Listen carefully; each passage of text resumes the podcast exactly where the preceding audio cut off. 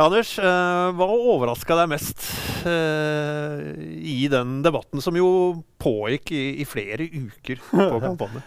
nei, det var, det var, flere ting. Det ene er fordi det ble skrevet ni eh, innlegg på eh, kampanje om content marketing i lys av den kritikken jeg kom med.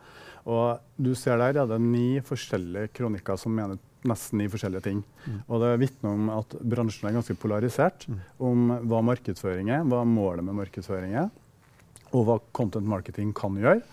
Eh, det overraska meg veldig mye. Og så overraska det meg veldig mye at eh, det ble veldig personlig. Mm. Og uh, jeg gikk jo veldig på faget, men eh, jeg ble møtt med veldig mye personlig uh, ja, altså tråkka folk litt på tærne, mm. og ble, folk følte seg litt krenka. Mm. og det var også ganske overraskende. Ja.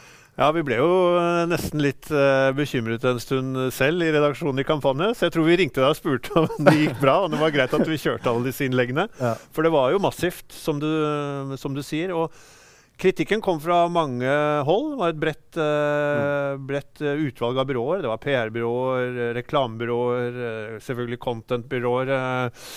var det fra noen, noen, deler av bransjen hvor kritikken kom fra, som såret deg mest, eller som gjorde deg mest overrasket eller provoserte deg? Jeg ble ikke såra. Uh, det, det, ble jeg ikke. Men uh, nei, egentlig ikke. Uh, det var nok mer at du får, liksom, du får, den bredden, så du får mm. veldig mange ulike miljøer som snakker om deg, det. Mm. Og det er jo også fordi de utøver jo innholdsmarkedsføring.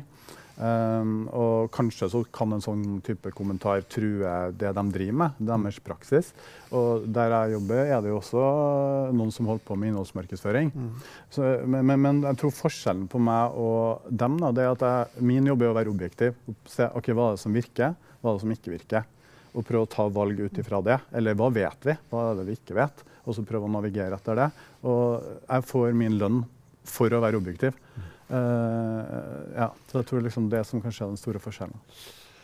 Ja, Lars Elling Olsen, eh, professor i markedsføring ved BI. Eh, før jeg slipper til fagpersonen, Lars Erling, jeg må spørre deg, hva tror du var årsaken til at så mange ble provosert av dette innlegget, som sikkert du også leste? ja, kampanjen? jeg leste det også. Jeg leste det med stor interesse og syntes det var litt moro å lese den debatten også. Mm. Men jeg har først lyst til å begynne å si at jeg syns det er fantastisk fint at Anders torde å, å, strekke fram nakken. Mm. Og når man strekker fram nakken, så er det alltid en fare for å få huet hugget av, og det var jo det som skjedde. Og jeg tror din analyse er helt riktig. Det er klart at du utfordret folks eh, butikk. Og når du mm. utfordrer folks butikk, da, da får du svar. Men uh, at vi får en skikkelig fagdebatt, det syns jeg er, eh, er fint. Og vi skulle gjerne hatt enda mer av det. At folk tør å faktisk mene litt i bransjen vår. Mm. Og tør å mene noe selv om det av og til er kontrakt med kunder. Det hadde vært litt artig, syns mm. jeg. Mm.